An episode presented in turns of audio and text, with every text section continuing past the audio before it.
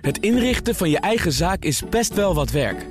Daarom biedt IKEA voor Business Netwerk 50% korting op interieuradvies. Word gratis lid en laat je werkplek voor je werken. IKEA, een wereld aan ideeën. Lobbypanel.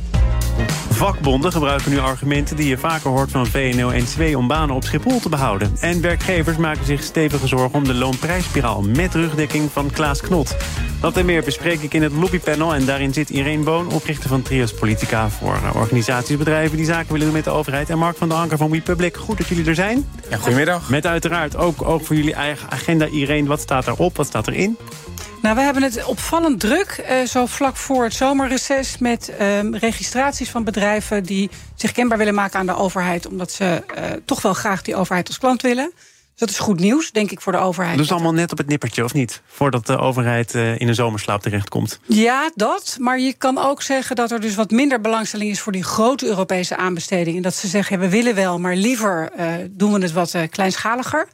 Uh, en wij helpen ze met uh, de leren hoe je dat zelf kan doen. Maar de meeste bedrijven hebben daar geen tijd voor en geen personeel voor. Dus dan doen wij het voor ze ja. en daar hebben we onze handen aan vol.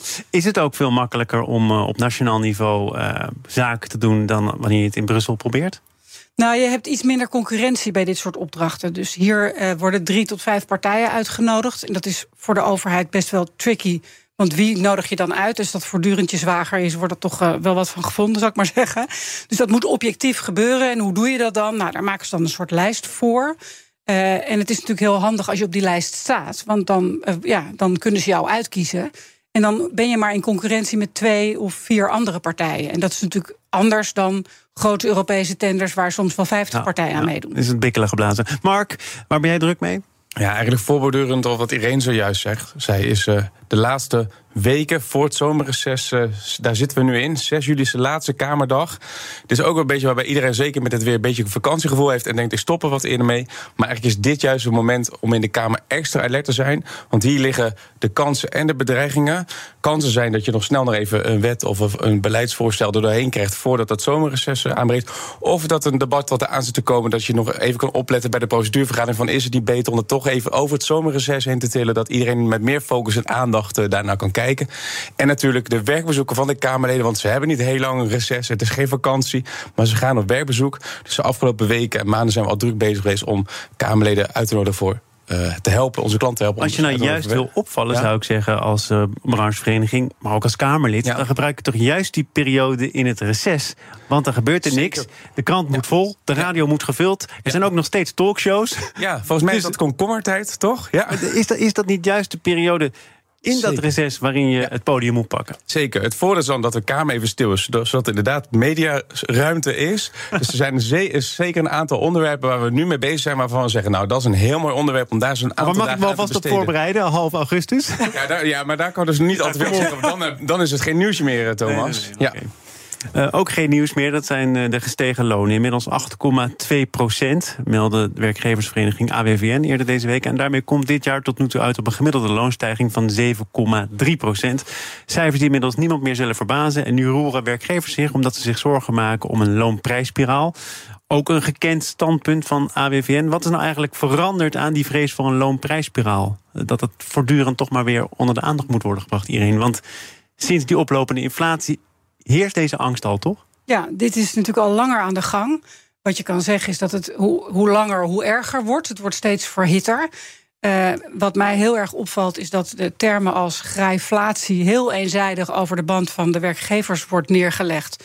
We moeten even kijken hoe dat met die cijfers straks eruit ziet. Of dat echt pure grijflatie was. CBS komt later deze maand met winstcijfers van bedrijven over het eerste kwartaal. Dat, dat zou je kunnen zeggen, dat is objectief dan, toch? Ja, niet? en dan weten we ook meer over hoe die opbouw nou precies zit. Waar we niet op hoeven te wachten, is uh, de analyse van de positie van de vakbonden. Want die hebben gewoon, uh, zodra zij konden, echt rukzichtloos, wat mij betreft, het onderste uit de kan gehaald met ongekend hoge looneisen. Hele land platleggen op vitale infrastructuur en voedselvoorziening, zou ik maar zeggen. Uh, en nu dan zeggen, ja, maar die grijflatie, dat komt door die werkgevers die hun zakken vullen over de rug van onze achterban. Is een wat uh, gedateerd standpunt, wat gewoon niet zo goed pas houdt met de realiteit waar we nu in zitten. Maar eh, Zakaria Katja is de vicevoorzitter van het FNV. Boegbeeld, ook in die strijd van stakingen, de strijd voor een hoger loon. Hij heeft uh, in trouw ik meen vandaag of gisteren nog gezegd... voor ons is bewezen staken loont, want wij weten die hoge lonen af te dwingen. En als er nu uh, gekrakeel komt van werkgevers, ja, dan noem ik dat chantage. Want als zij zeggen, ja, door jullie hoge lonen moeten wij de prijzen verhogen... dan wil ik graag toch even wijzen op het feit dat er nog altijd heel veel winst gemaakt wordt. Is dat nou een gedateerd standpunt of gewoon een weergave van de praktijk? Nou, wat mij betreft is het niet alleen een gedateerd standpunt. Er is ook echt een groot pak boter op het hoofd van, in dit geval de FNV. Die natuurlijk in het land eh, heel hard gepleit heeft voor een loonsverhoging van 10%. Maar voor haar eigen werknemers niet bereid was om dat te betalen. en belangrijker nog, wat zeiden ze toen? Daar wou ik toch graag even nog de aandacht op vestigen. Toen was het argument: nee, maar kijk, wij moeten natuurlijk, wij kunnen het niet betalen. Want het is contributiegeld en daar moeten we zuinig bij zijn. Dat is van oudsher een werkgeversargument. Dus je moet niet nu ineens van rol gaan schuiven als het je uitkomt. Uh, ik geloof dat ze uiteindelijk ook 12% hebben afgesproken. Dus staken loont inderdaad. Dat zou je op die manier wel kunnen zeggen. Mark, hoe kijk jij naar deze ja, eigenlijk voorspelbare gang van zaken? Ja, nee, de voor... Het Spiegelpaleis, waarvan de een zegt ja, het ligt aan jullie en de ander uh, het ligt aan die ander. Nou ja, kijk, we hebben vroeger in de economieboekjes geleerd. Uh, zeker de mensen die net eindexamen hebben gedaan, leer je eigenlijk altijd dat ergens begint het met inflatie afremmen, begint ergens matigen. En wat heeft het kabinet nu gedaan? Die heeft eigenlijk toen de looneisen van de, van de vakbonden kwamen, hebben, heeft het kabinet die vakbonden aangemoedigd en de werkgevers opgeroepen daarin mee te gaan. Wat er nu gebeurt is dat we eigenlijk niet zo goed weten wie gaat nou stoppen. Dus uh, gaan de vakbonden stoppen met de hogere uh, looneisen of gaan uh, de werkgevers de prijzen verhogen omdat de producten dus en diensten duurder worden. En daarom terecht ook die oproep van Klaas Knot. Um, en wat gewoon moeilijk is, is dat uiteindelijk wil je dat je gewoon meer salaris is mooi, maar je moet dan wel kunnen blijven besteden. Dus als alles duurder wordt, schiet je er uiteindelijk onderaan de streep niet zoveel meer op. En maar wat, wat het kabinet. Dat is toch juist de reden om er met gestrekt been in te gaan? Want FNV kan zeggen: luister eens, die looneisen van ons, dat mag misschien onredelijk klinken. Maar wij kijken gewoon naar hoe duur het leven is geworden. En we moeten gelijk het red houden. Klopt. Maar als je 100 euro minder waard is uh, met 10% meer volgend jaar uh, dan, dan, uh, dan nu, zeg maar. Dan, dan, dan gaan we dan met z'n allen eh, op achteruit. Maar waar eigenlijk het kabinet gewoon moeite mee heeft... is om te helpen en bij te springen bij Klaas Knot... en te zeggen, jongens en meisjes... we zitten eigenlijk gewoon in een aparte recessie, maar alles wordt gewoon duurder. En sommige dingen kunnen niet. Dus ja, dat betekent dat we niet heel vaak dat niet iedereen altijd op vakantie kan. En zeker niet misschien wel twee keer per jaar. En dat het een beetje minder wordt. En dat de benzineprijzen gaan ook stijgen vanaf 1 juli. Omdat gewoon de belastingaccijns weer terugkomen. Dus soms moet er misschien een tandje minder. En ook, ja, ik begrijp de oproep van Klaas Knot. We moeten met z'n allen een klein beetje minder doen om te zorgen Even dat kijken naar wat Klaas Knot nu zei. In het bijzonder wat Jannes van der Velde van de AWVN daarover zei. Over de rugdekking van Klaas Knot. Belangrijke stem in deze discussie. Knot heeft gezegd dat hij eh, tussen de 75% wel verantwoord zou vinden. Dat was op het moment dat de loon, uh, loonafspraken lager waren dan dat. Nu heeft hij het nodig gevonden om aan de rente te trekken. Het is iets dat het er ver bovenuit, bovenuit gaat. Um, dus dat, is, dat is vrij consistent. En met name die zorg die, dat er een, rentweg moet worden ingezet. Ja, dat, dat delen wij. Omdat wij er ook niet gerust op zijn dat het bedrijfsleven dit aan kan. Hoe belangrijk is het dat Klaas Knot zei Looneisen, daar heb ik begrip voor. Stevige looneisen, 5 tot 7 procent. De lonen zijn ook achtergebleven de afgelopen jaren. En dat hij nu zegt, nou, we hebben dat punt bereikt... waarop er nu toch weer sprake zou moeten zijn van matigen. Ja, iemand moet wel iets gaan doen. Want het is natuurlijk een gezamenlijke verantwoordelijkheid. Ik vestig dan nu even de aandacht op de rol van de vakbond. Maar die werkgevers hebben daar natuurlijk ook een aandeel in. Uh, en je ziet dat het, dat het een spiraal wordt waar je niemand meer uitkomt. Dus dat Klaas Knot die oproep doet, is denk ik terecht. Uh, natuurlijk gaat dan de bond roepen, ja, belachelijk en hoezo moeten wij en hully en zully. Maar goed, ergens moet iemand uh, beginnen. En ik denk dat dit een hele wijze uh, vingerwijzing is. We gaan nog even door op het gebied van die vakbonden en hun angst dat er op Schiphol heel veel banen zullen verdwijnen. BNR Nieuwsradio. Zaken doen. Thomas van Zeil. Het lobbypanel is te gast, Irene Boonmark van de Anker. Eh, de krimp van Schiphol zal voor een desastreuze situatie zorgen... en een desastreus effect hebben op de werkgelegenheid. Dat zeggen vakbonden naar aanleiding van een rapport van onderzoeksbureau SEO... waar de bonden zelf opdracht toe hebben gegeven, overigens, voor de volledigheid. De vraag is of dat nou een slimme positie is. Want eh, Schiphol en alles wat, wat daarmee te maken had het afgelopen jaar... kwam toch vooral in het nieuws vanwege een tekort aan mensen. En nu is de boodschap, ja, die krimp, daar komt onze achterban, de achterban van de vakbond, niet overheen, Mark. Dat Ja. is een interessante gang van zaken. Klopt, ik, vond, ja, ik moest even goed lezen. Ik dacht eerst dat ze eh, minder start- en landingsbanen bedoelden... maar het ging echt over Het ging werk, over de zeg maar. arbeidsmarkt. Het ging gewoon Ja, over werk. over Dus, eh, banen. nee, heel, heel erg goed. Ehm, nee, ja, ik, dit, dit, het- ik was een beetje verbaasd dat de vakbonden hiermee kwamen. En eigenlijk vooral omdat... ehm, nou, goed dat de vakbonden zich laten horen. Ze lijken zich steeds vaker als werkgever eh, te, te- neer te zetten. Maar wat, ik gewoon, wat je gewoon merkt... Behoud van baan is toch ook wel eh, vintage vakbond, zou je zeggen? Sorry? Het behoud van banen is toch vintage vakbond? Zeker, zeker, Hoort toch zeker, bij de vaste zeker. agenda, lijkt me. Zeker, alleen eh, ze, ze, ze gebruiken nu standaard een werkgeversargument. En eigenlijk ook een beetje een ja, argument dat, daar, waar iedereen wel een beetje klaar mee is. Het, het komt namelijk bijna niet aan het aantal, dat iets een aantal x aantal banen oplevert... of hoeveel het bijdraagt aan de economie. Ehm, want dat, leidt, dat is allemaal wel vanzelfsprekend. Want eigenlijk voor elke baan die elke werkloos die daar bij Schiphol komt, zijn drie banen klaar. Waarvan eentje in de zorg, eentje in het onderwijs en eentje bij de veiligheidsdiensten, bij de politie. Dus we kunnen de mensen ongelooflijk goed gebruiken. En wat ik eigenlijk mis bij de, bij de lobby van de vakbonden, als het gaat over Schiphol, is eigenlijk de korte versie, de lange termijn. Dus niet alleen maar dreigen, kijk eens hoeveel banen er be- eh, verdwijnen, mogelijkerwijs. Maar vooral een visie van de vakbonden is... waarom vinden de vakbonden nou dat een nationale luchthaven van nationaal belang is... en waar draagt het dan aan bij in die werkgelegenheid over de hele linie? Dus niet alleen over Schiphol, maar over de breedte. Dat hebben ze geprobeerd hè, om dat uit te drukken in percentage van het BBP. En het Ja. is natuurlijk zo, voor veel mensen zal het gelden... dat ze het liefst blijven doen wat ze al deden. Ja. Dus jij zegt, ze kunnen een andere baan vinden. Ja, Allemaal tot je dienst. hangt een klein beetje af van de conjunctuur. Hè. SEO heeft volgens mij drie scenario's geschetst... Ja. waarin er sprake is van hoog, midden of laag conjunctuur. En dan zeg je, als je daarmee je baan verliest... dat is dan jammer, dan kan je voor de klas terecht. Dat is niet mijn mening, dat is de realiteit op dit moment. Ehm, en het gaat erom hoe zorg je dat je boodschap landt in de politiek en in de samenleving. En dit zijn boodschappen die in deze arbeidsmarkt en deze economische situatie gewoon niet zo goed overkomen en landen.